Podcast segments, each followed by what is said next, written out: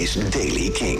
Met erin vandaag nieuws over New Order, Blink-182, Noel Gallagher, Biba Doobie, Declan McKenna... en er is heel veel nieuwe muziek van onder andere Machine Gun Kelly, Tom Petty en Bon Iver. Dit is de Daily King van donderdag 6 augustus. New Order komt met een grote nieuwe boxset op vinyl. Het wordt een Power, Corruption en Lies box met erop nieuwe remasters van het album. Er staan analoge tapes op, opnames die nog nooit te horen zijn. Het hele pakket moet uitkomen op 2 oktober en bevat een LP, twee CD's, twee DVD's en een boek.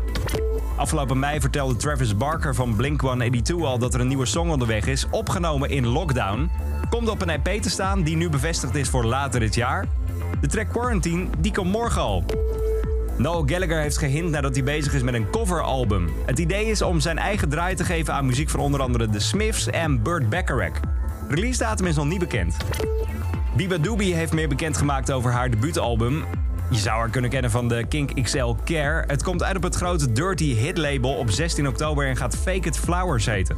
Er is een nieuwe single, Sorry, en die klinkt ook groots. Het album is vanaf nu te bestellen. Declan McKenna die heeft zijn album dan weer uitgesteld.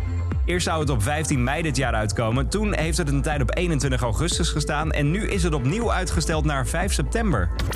Er komt dus nieuwe muziek aan van Blink-182, dat heeft Travis Barker gezegd. Maar ondertussen heeft hij samen met Machine Gun Kelly een pop-punk track opgenomen. En die klinkt zo.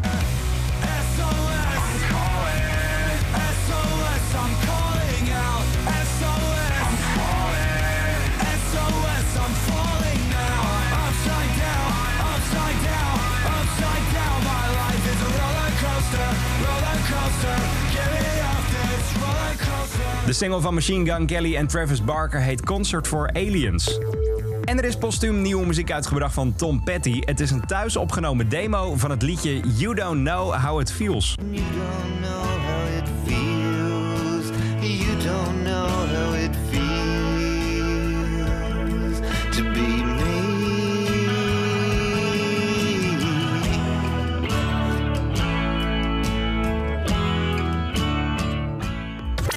En dan is er als laatste nieuwe muziek van Bonnie Ver. Het heet A-U-A-T-C. Wat Ate Up All Their Cake betekent. En het is met niemand minder dan Jenny Lewis. Maar ook Bruce Springsteen als achtergrondzanger. En het klinkt zo.